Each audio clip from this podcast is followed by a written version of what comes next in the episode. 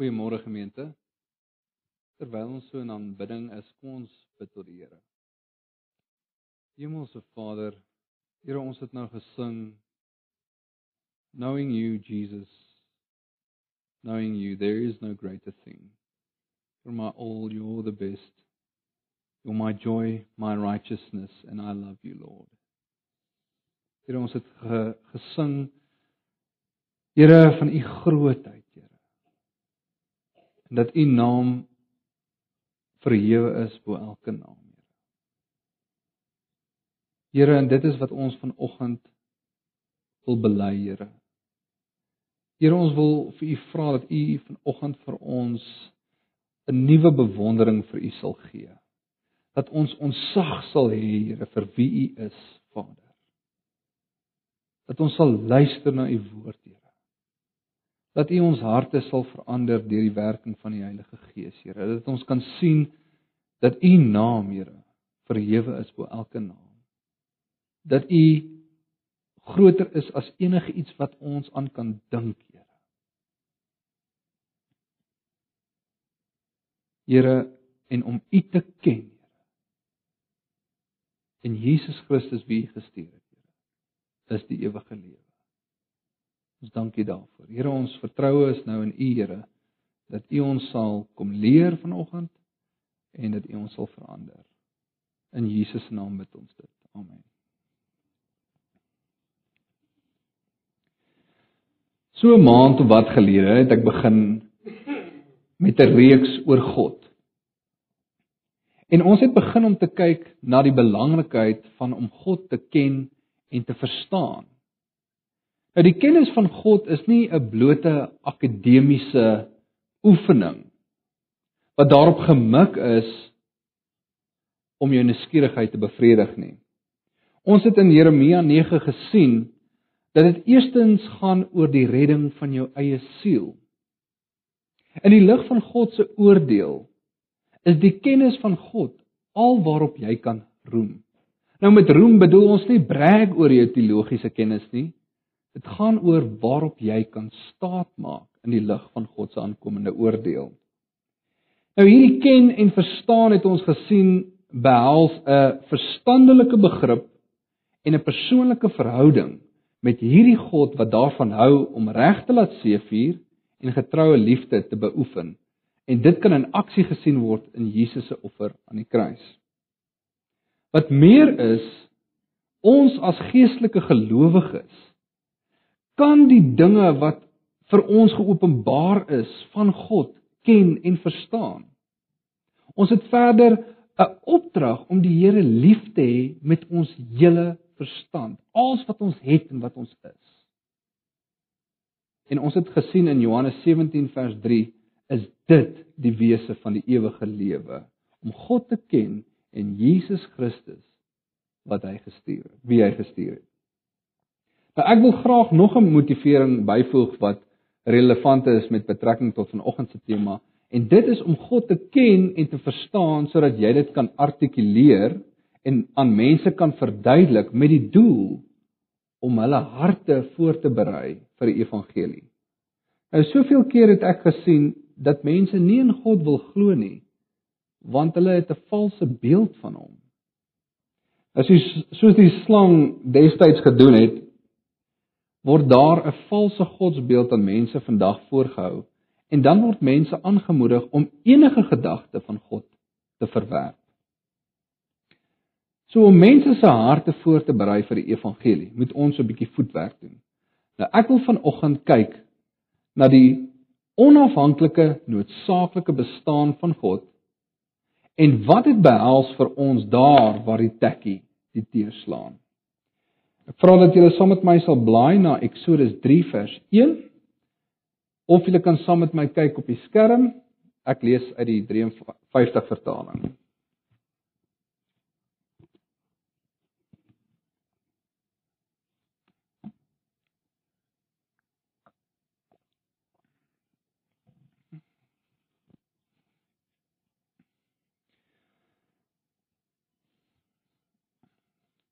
Vers 1 En Moses het die kleinvee opgepas van sy skoonvader Jethro, die priester van Midian.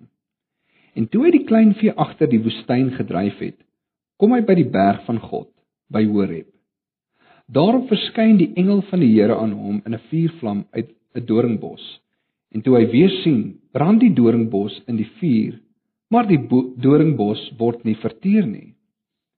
En Moses sê, "Laat ek tog nader gaan en hierdie groot verskynsel bekyk. Waarom die doringbos nie verbrand nie?" Toe die Here sien dat hy nuuskierig naderkom, roep God na hom uit die doringbos en sê: "Moses, Moses." En hy antwoord: "Hier is ek." En hy sê: "Moenie naderkom nie. Trek jou skoene van jou voete af, want die plek waarop jy staan is heilige grond." Verder sê hy: "Ek is die God van jou vader, die God van Abraham, die God van Isak en die God van Jakob."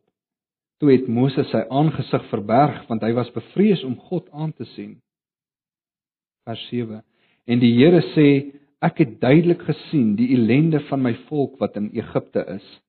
En ek het hulle jammerklagte oor hulle drywers gehoor. Ja, ek ken hulle smarte. Daarom het ek neergedaal om hulle uit die hand van die Egiptenaars te verlos en hulle te laat optrek uit die land na 'n goeie en wye land, na 'n land wat oorloop van melk en honing, na die woonplek van die Kanaaniete en die Hittite en die Amoriete en die Ferisiete en die Hewite en Jebusite. En nou, kyk, die jammerklagte van die kinders van Israel het tot by my gekom. Ook het ek die verdrukking gesien waarmee die Egiptenaars hulle verdruk. Gaan dan nou heen dat ek jou na die Farao kan stuur en lei my volk, die kinders van Israel uit Egipte uit. Maar Moses het tot God gespreek: Wie is ek dat ek na Farao sou gaan en dat ek die kinders van Israel uit Egipte sou lei. En hy antwoord: Ek sal met jou wees. En dit sal vir jou 'n teken wees dat ek jou gestuur het. As jy die volk uit Egipte gelei het, sal julle op hierdie berg God dien. Hierop het Moses tot God gespreek: Maar as ek by die kinders van Israel kom en aan aan hulle sê die God van julle vaders het my na julle gestuur en hulle vra my hoe is sy naam, wat moet ek hulle antwoord. En God sê vir Moses: Ek is wat ek is. Ook sê hy: So moet jy die kinders van Israel antwoord. Ek is het my na julle gestuur. Toe sê God verder vir Moses: Dit moet jy aan die kinders van Israel meedeel. Die Here, die God van julle vaders, die God van Abraham, die God van Isak en die God van Jakob het my na julle gestuur. Dit is my naam vir ewig en dit is my gedenknaam van geslag tot geslag net tot sover. Nou laas week het ek en Claudia die fliek Exodus Gods and Kings gekyk. Wat gaan oor Israel se bevryding van Egipte en wat die rol was volgens Hollywood nou natuurlik van Moses en Farao en God in hierdie drama. Nou natuurlik kan jy van Hollywood verwag dat hulle die storie so bietjie gaan aanpas om 'n wye gehoor te bevredig. Julle ken almal die based on a true story gedagte van Hollywood. So ek het ten minste gewag dat daar sommige ooreenkomste sou wees met die fliek in die Bybelse data, maar ek was veral geïnteresseerd om te sien wat se stertjies hulle sou bylas en wat hulle uitgeredigeer het. So dit was nie vir my vreeslik verbasend dat daar baie verskille was nie, maar een noemenswaardige verskil wil ek baie graag uitlig. In die fliek het hulle God as 'n klein seentjie voorgestel wat van tyd tot tyd aan Moses verskyn het.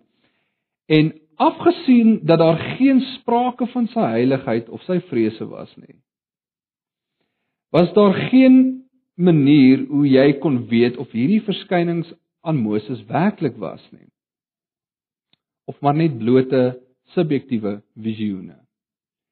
Nou, die eerste verskyning op Horeb was definitief 'n visioen waar Moses bewusteloos was na 'n rotsstorting. En Moses was natuurlik vas oortuig dat dit God was wat met hom gepraat het, maar afgesien van Moses se woord, was daar net geen manier om te weet of God werklik met hom gepraat het nie. Moses het geen teken van God ontvang om aan Israel en aan die Farao te gee wat sou dien as 'n bewys dat hierdie opdragte werklik van God was nie. As Joshua vir Moses dophou terwyl hy met God praat, dan lyk dit asof Moses besig is om met sy denkbeeldige vriend te gesels. Die pla was nie aangekondig aan die farao voor die afloop daarvan nie en kon totaal in terme van natuurlike verskynsels geïnterpreteer word. Die krokodille in die Nyl het mense in mekaar begin aanval wat veroorsaak dat die Nyl vol bloed geword het. Die vis het begin vrek, die paras het uit die Nyl uit ehm um, gevlug in die mense se huise in. Die paras het gevrek. Daar het 'n vleeplaag ontstaan wat 'n higieniese krisis teweeggebring het. Mense het volsere geword, diere het gevrek. Daar het sprinkane uit die woestyn gekom en alles opgevreet het en 'n geweldige hailstorm het losgebars wat mense en dier doodgeslaan het. Maar die eerste plaas plaag wat wel aangekondig was, was die dood van die eersgeborenes. En afgesien dalk van die dood van die eersgeborenes, kon Israel se verlossing totaal en al toegeskryf word aan asemrowende natuurverskynsels en toeval. Skouspelagtige toeval. Nou op 'n soortgelyke manier word mense vandag gekonfronteer met 'n wêreld vol onskynlike wonders van lewe en en orde en die voorkoms van ontwerp. En dit is asof die media vir die mense wil te kenne gee, dit gaan hier oor gelyke persepsies of jy dit nou wil toeskryf aan God of aan to toeval. Aan die ander kant is daar weer talle wetenskaplikes wat die publiek se opinie wil swaai uh, na 'n wêreldsbeskouing waar als in terme van menslike uitvindings en natuurwette geïnterpreteer kan word. So die vraag is kan die werklikheid wat 'n ongelooflike komplekse heelal behels vol van orde en daar is lewe en dit die voorkoms van ontwerp kan dit toegeskryf word aan God of aan toeval. Bestaan God? En as hy doen, hoe moet ons sy bestaan verstaan? En hoe moet ons ons bestaan verstaan in die lig van syne? En wat as hy nie bestaan nie? Nou dit is die vraag wat ons vanoggend na gaan kyk. Bestaan God? As hy doen, hoe moet ons sy bestaan verstaan? En hoe moet ons ons bestaan verstaan in die lig van syne? En wat as hy nie bestaan nie? Nou, as Christen gelowiges glo ons uit die aard van die saak in God se bestaan. Die Bybel rus gemaklik op hierdie veronderstelling. Dit begin net met in die begin het God. Daar is geen verduideliking verduideliking hoekom hy moet bestaan nie. Dit beweer net dat hy doen en dat hy alles buite homself tot stand gebring het. Maar as ons draai na die boek Eksodus, dan kry ons te doen hier met 'n heilige God wat vrees en ontzag afdwing, nie soos hierdie Hollywoodse God wat kan toe kyk hoe sy mense 'n goue kalf aanbid en dan niks daaromtrent doen nie, soos die geval was in die film. In der waarheid moes Moses tot God met versigtiging nader. En dit sien ons sien ons as hy sy skoene moet uittrek as hy nader wil kom tot by God. Nou hierdie God buig neer na sy mense om homself onteenseglik aan hulle te openbaar as hulle Here en hulle verlosser. En Romeine 9 vers 17 sluit vir ons aan hierso by. Ons lees daar want die skrif sê aan Farao: "Juis hiervoor het ek jou laat optree dat ek in jou my krag kan toon en dat my naam verkondig kan word op die hele aarde." Met hierdie gebeurtenis wil God aan die wêreld homself openbaar. Nou dit is duidelik dat die skrywer ons aandag wil vestig op wie die werklike hoofrol het in hierdie drama. Hy begin eers in hoofstuk 1 en 2 vir ons die toneel te skets wat 'n tydperk van jare dek en dan ewe skielik hier in hoofstuk 3 dan kom hierdie drama tot 'n stilstand en die langste gesprek of dialoog van God sedert Genesis word vir ons hier in Eksodus 3 en 4 aangekondig. God is die hoofrol en die hero van hierdie drama, nie Moses nie. Moses het als in sy vermoë probeer doen om uit hierdie transaksie te kom. Dit is God wat hier ingryp om sy mense te verlos. Nou, hierdie God sien sy mense. Hy hoor sy mense se klagte. Hy onthou die belofte aan Abraham, Isak en Jakob en hy tree op in hulle guns. God is 'n lewende, persoonlike, denkende, aktiewe God. Kyk saam met my na vers 6 tot 8a. Daar sê hy: Ek is die God van jou vader, die God van Abraham, die God van Isak en die God van Jakob. Toe het Moses sy aangesig verberg want hy was bevrees om God aan te sien. En die Here sê: Ek het duidelik gesien die ellende van my volk wat in Egipte is en ek het hulle jammerklagte oor hulle drywers gehoor. Ja, ek ken hulle smarte. Daarom het ek neergedaal om hulle uit die hand van die Egiptenaars te verlos. So God is 'n lewende, persoonlike, denkende, aktiewe God wat ingryp in geskiedenis. Nou ek wil vanoggend ons aandag fokus op vers 14. Daar lees ons en God sê vir Moses: Ek is wat ek is. Ook sê hy: So moet jy die kinders van Israel antwoord: Ek is het my na julle gestuur. Nou die naam van God is belangrik. Die Hebreërs het geglo dat die naam van 'n persoon iets van sy essensie reflekteer. Vat byvoorbeeld vir Jakob. Dit beteken bedrieger en dis presies wat Jakob gedoen het. Hy het sy pa bedrieg. Maar God verander sy naam na Israel toe hy met God gestoei het en oorwin het en dit is presies wat daardie naam Israel beteken. Nou verskeie aspekte van God se natuur word vir ons in Genesis uitgelig deur die gebruik van God se name. Ons het gesing vanoggend Hoe wonderlik is dit om God te ken en in sy name openbaar hy homself. El Elyon, God die Allerhoogste. Melchisedek word 'n priester genoem volgens ehm um, of van El Elyon, God die Allerhoogste. El Roy, God sien. Hagar sê dat God haar gesien het in die woestyn en sy noem hom El Roy. El Shaddai, God die Almagtige. Toe Abraham 99 was, het God homself aan hom openbaar as El Shaddai. El Olam wat beteken God wat ewig is. Abimelech, 'n Filistynse koning, het nadat hy met Abraham 'n verbond gesluit het, um tot God geroep as El Olam, die ewige God. Nou let op dat God se natuur geopenbaar word in werklike lewensomstandighede. Daar waar die tekkie die teer slaan. Daar waar Hagar dink sy is verlate, aan die noodlot oorgegee. Daar vind sy uit God is Elroy. Hy sien my. Daar waar Abraham 99 jaar oud is, openbaar God homself as hy sy beloftes wil bevestig aan Abraham dat hy El Shaddai is. Hy kan enige iets doen.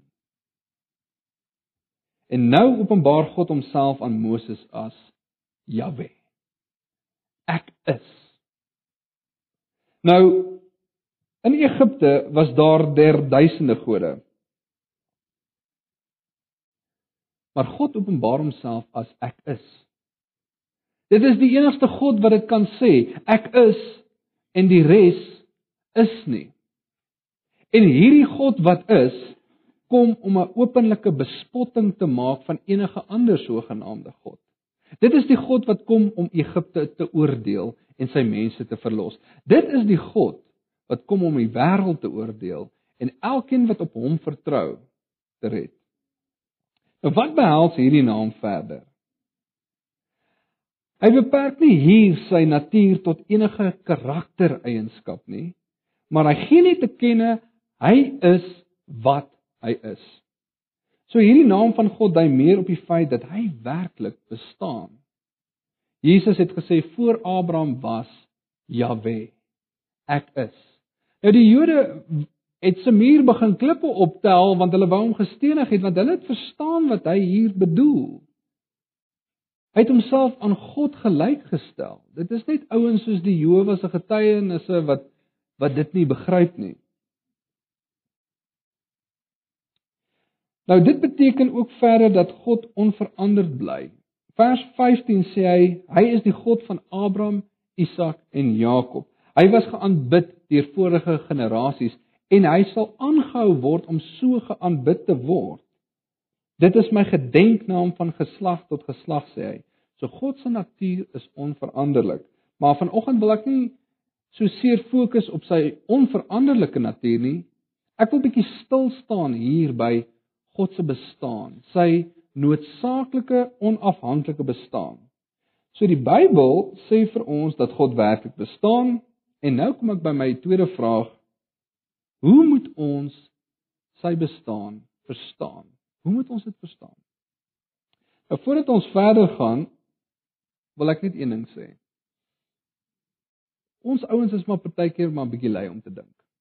As enigiets meer as 30% van ons breinkrag vereis, dan uh, kan ons dit baie maklik laat verdaag in die naam van filosofie. Behalwe as dit gaan oor jou gunsteling resep of jou stokperdjie of jou beroepsbelangstelling of iets van daai aard. Maar ons is vanoggend hier nie om om ons fiks te kry vir die week nie. Ons is hier om God te aanbid en dit gaan jou hele intellek en al jou krag en al jou inspanning vereis. Nou ek sê dit juis want ons gaan nou 'n paar ingewikkelde konsepte bespreek. En dit is nou net hier wat ek die Heilige Gees gaan vertrou om vir julle en vir my in staat te stel om hierdie begrippe te verstaan. Ek wil 'n bietjie hê dat ons kyk na afhanklike en onafhanklike bestaan, noodsaaklike en afhanklike bestaan. Nou ons almal het al sekerlik na die sterre of na die natuur rondom ons gekyk en gewonder waar kom al hierdie goeters vandaan? Hoe het dit ontstaan?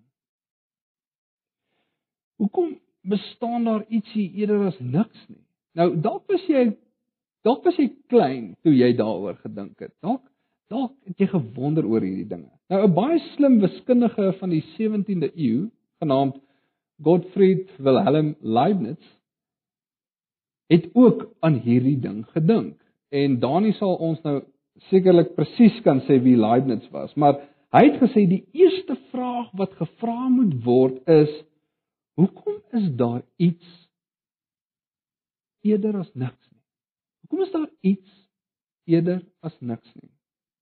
Nou Leibniz het besef dat die heelal nie die antwoord vir ons kan gee nie, maar dat die antwoord in God opgesluit lê. God is die rede hoekom enigiets anders buite homself bestaan. Nou Leibniz het gewys dat enige iets wat bestaan op een van twee maniere kan bestaan. Of ietsie moet bestaan want sy aard of sy natuur vereis dat dit moet bestaan of ietsie hoef nie te bestaan nie want iets anderste is die rede vir sy bestaan. Ek gaan weer sê, of ietsie moet bestaan want sy aard of sy natuur vereis dat dit moet bestaan, of iets hoef nie te bestaan nie want iets anderste is die rede vir sy bestaan. Iets anders het hom laat bestaan. Uit die aard van die saak kan iets wat moet bestaan nie 'n begin hê nie, want sy natuur vereis dat dit moet bestaan. En iets anders wat nie hoef te bestaan nie, moet weer 'n begin hê, want iets anderste is die oorsaak hoekom hy bestaan. So ons praat van 'n noodsaaklike wese, iets is noodsaaklik in wese wat moet bestaan in sy eie aard. Hy het geen begin nie en dan kan 'n ding ook bestaan as 'n afhanklike wese. Hy hoef nie te bestaan nie. Hy word veroorsaak deur iets anders en hy het 'n begin. Nou kom die ongelowige en hy vra as als 'n rede het vir sy bestaan. Wat is die rede vir God se bestaan? Wat hy eintlik vir jou wil vra is, weet God gemaak? Weet God gemaak? So hy neem aan as jy of as iets 'n rede het vir jou bestaan, moet jy afhanklik bestaan.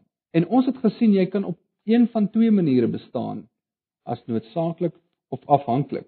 Nou die Christen sê nie dat daar nie 'n verduideliking is van God se bestaan nie. Nee, ons sê die verduideliking van God se bestaan is in sy eie aard of sy natuur.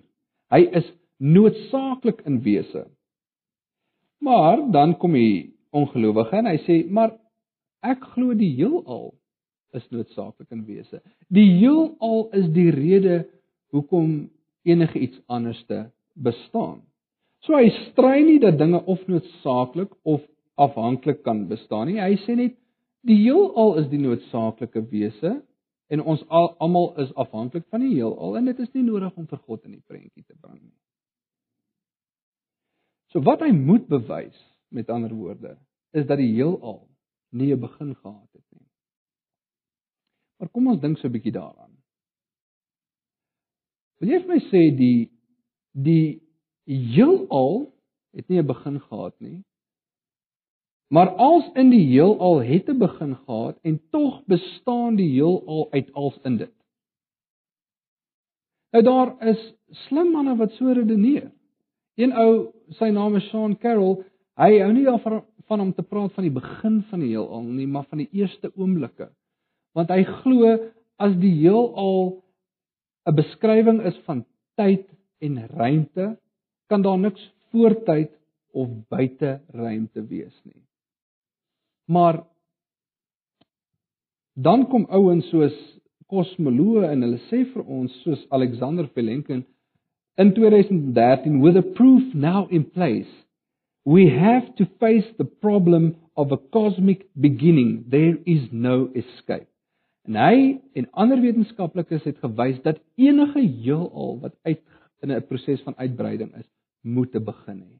En ons heelal, alles wat bestaan hier, het 'n begin. Ons is afhanklik in wese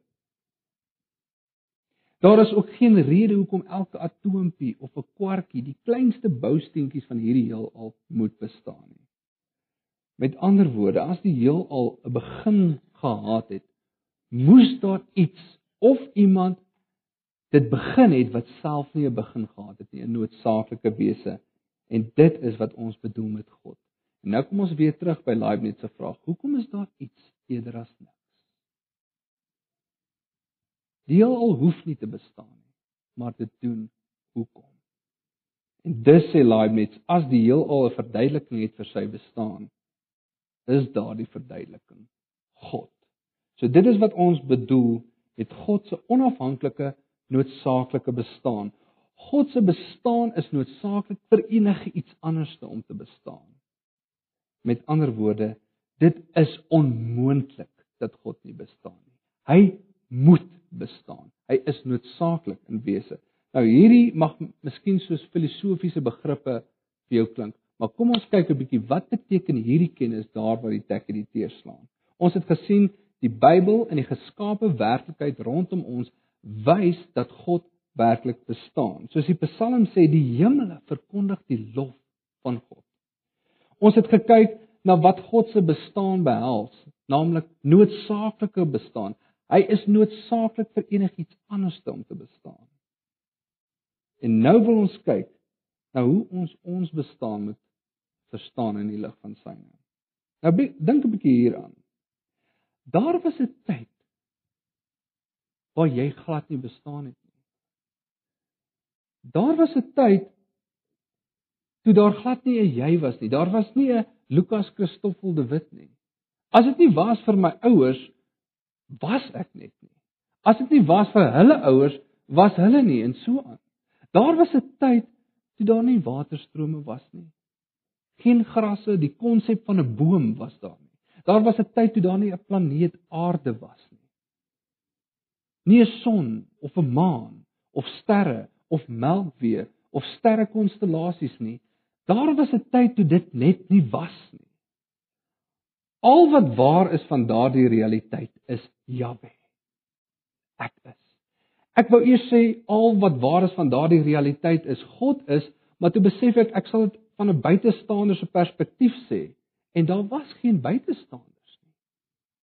Al wat waar is van daardie realiteit is Jahwe. ek is. Jy kan nooit van God sê as dit nie was vir As jy kan vra weet God gemaak, dan kan jy net sowel praat van 'n getroude ou jongs nooi en van ronde driehoeke en roomys toasters en iets onsinnig van hierdie aard. Nou dink 'n bietjie aan jou volgende asem.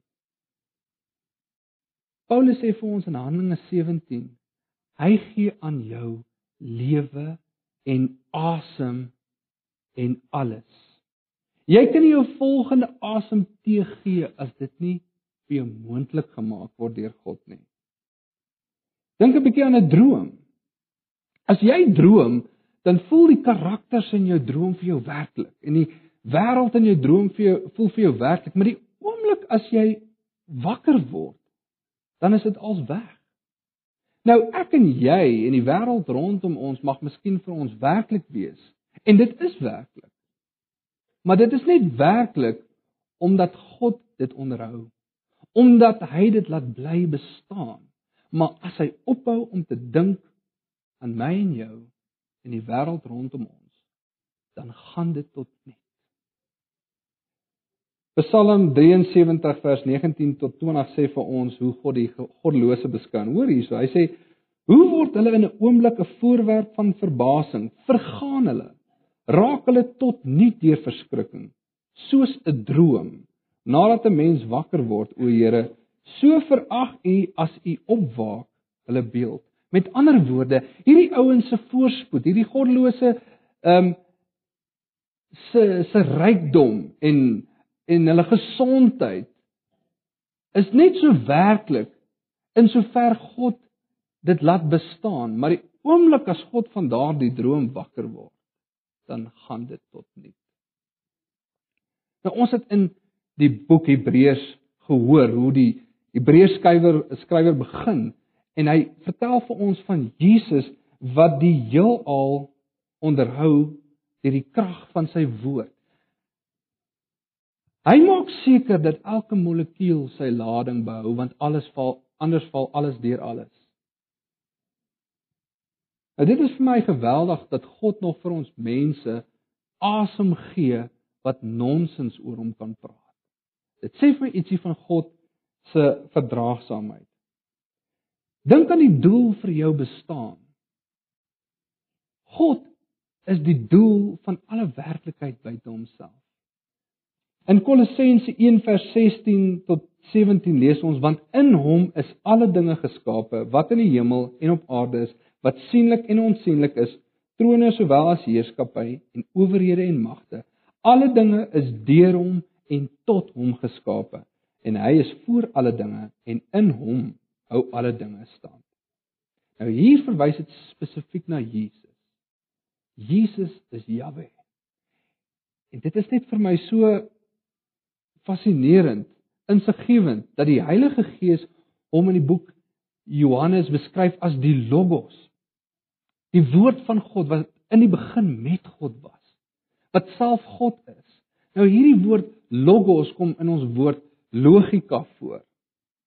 En in woorde soos biologie, sosiologie, psigologie, In al hierdie vakgebiede vra ons wat is die logika? Wat is die rede hoekom hierdie dinge so is? Hoekom is diere lewe soos wat uh, dit is? Hoekom dink ons soos wat ons dink? Hoekom is die samelewing so soos wat dit is? En die Heilige Gees wil vir ons sê die antwoord is die logos. Die een wat met God was in die begin en wat self God is en wat onder ons kom bly het sodat ons aan hom kan vat en hom kan hoor met ons ore en kan sien met ons oë soos wat 1 Johannes 1 vir ons sê. Nou dit is die God wat homself openbaar aan mense in werklike lewensomstandighede. Daar waar mense in ellende sit. En dink ja, ek wonder of God my van my vergeet het. Miskien soos die Israeliete. Of ouens wat dink ek is nie my roeping waardig nie. Wie is ek? Stuur asseblief net iemand anderste. Hulle gaan nie vir my luister nie, man. Man, ek kan nie praat nie. soos Moses. En hier openbaar God homself in hierdie lewensomstandigheid as Jahwe. Ek is. En dit sê vir ons, dit is nie nodig vir my en vir jou om oulik en sterk en slim te probeer wees. Dit hang nie van jou af nie. God openbaar sy krag in ons swakheid.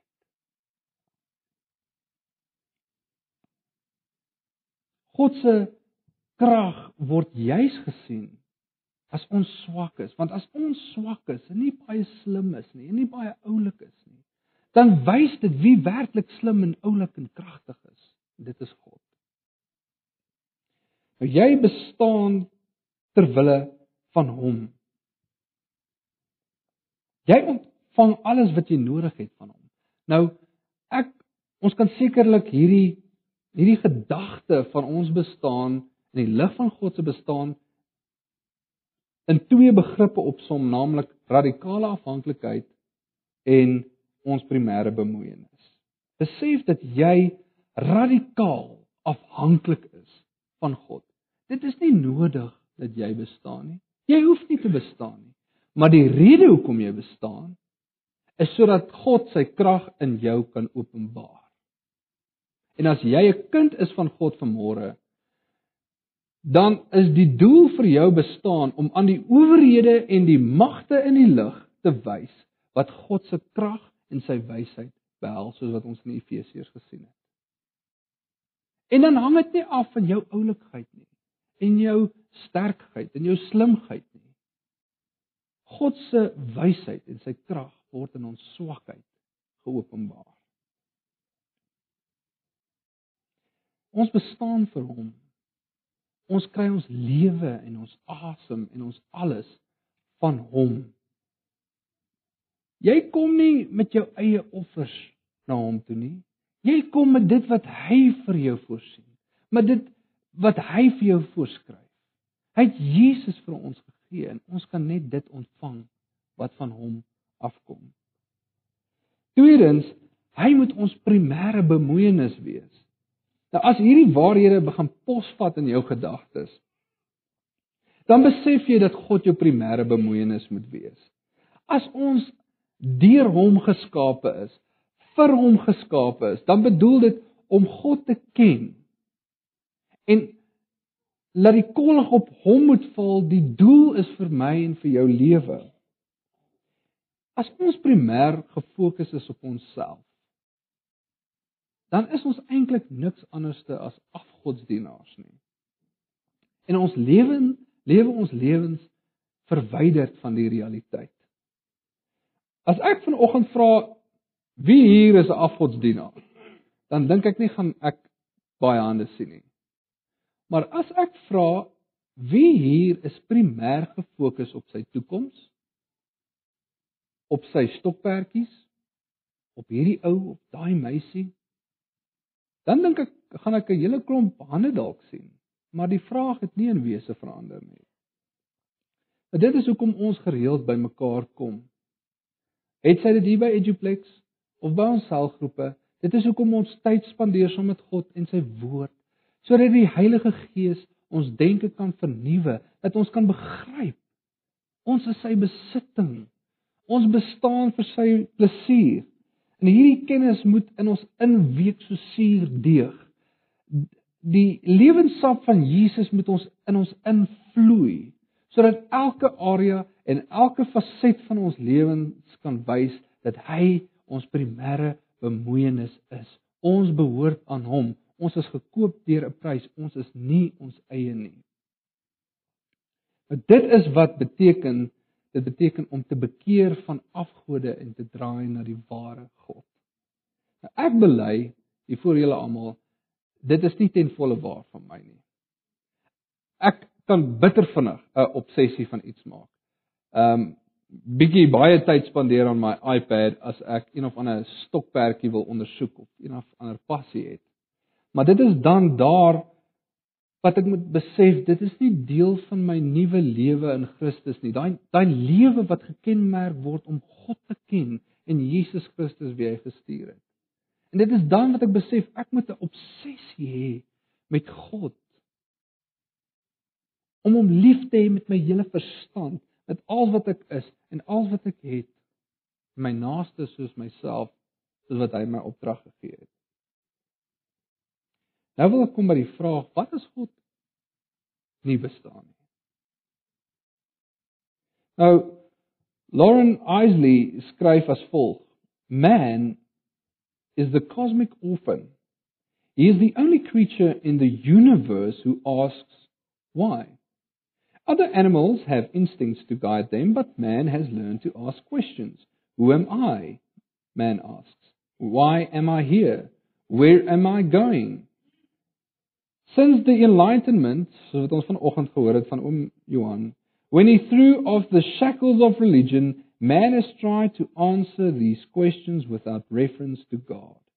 But the answers that came back were not exhilarating, but dark and terrible. You are the accidental byproduct of nature, a result of matter plus time plus chance. There is no reason for your existence. All you face is death. Sonder God het jy geen objektiewe rede hoekom jy gelukkig kan wees nie. Jy is nie hier met 'n doel nie. Jy is 'n ongeluk. Sonder God word die mens gebore en hy vrek soos 'n dier. Daar is geen morele waardes of verpligtinge nie. As 'n ou in jou huis inkom en hy onteer jou vrou, dan kan jy nie vir hom vra, "Hoerie, wat maak jy nie?" Want hy volg net sy instinkte en hy bevorder sy geslag. Daar is geen objektiewe rede hoekom 'n ma haar kind moet lief hê nie. Nou selfs die mees geharde ateïs sukkel om hierdie pil te sluk. Meeste van hulle kan nie hierdie pil sluk nie. Dit is onmoontlik om gelukkig te wees en 'n konsekwente ateïs. Nou ek bedoel nie hiermee dat daar geen gelukkige ateïste is nie. Ek dink daar is baie. Maar hoor 'n bietjie wat sê 'n ou Bertrand Russell wat 'n baie bekende ateïs is. Hy sê hy self erken hy moet kies om 'n leuen te glo om gelukkig te wees. Daarenteen het ons gesien dat dit onmoontlik is dat God nie bestaan nie. Hy moet bestaan. En ons as gelowiges kan sin en 'n doel vir ons lewe vind in hierdie waarheid. Ons hoef nie leuns te glo nie. Nou ek wil graag afsluit. As jy vanoggend hier sit, jy voel dalk God het van my vergeet. Jy sit in ellende en jy dink wonder of God nog vir my onthou. Jy dink jy is aan die noodlot oorgegee. Jy voel jou lewe het nie 'n doel nie. As jy voel jy's nie jou roeping waardig nie. As jy bang is vir wat mense aan jou gaan dink, van jou gaan dink. As jy sukkel om te glo, as jy sukkel om te hoop, dan moet jy vanoggend hoor Jahwe God is. En hy sê ek is met jou. As jy probeer onafhanklik lewe van God.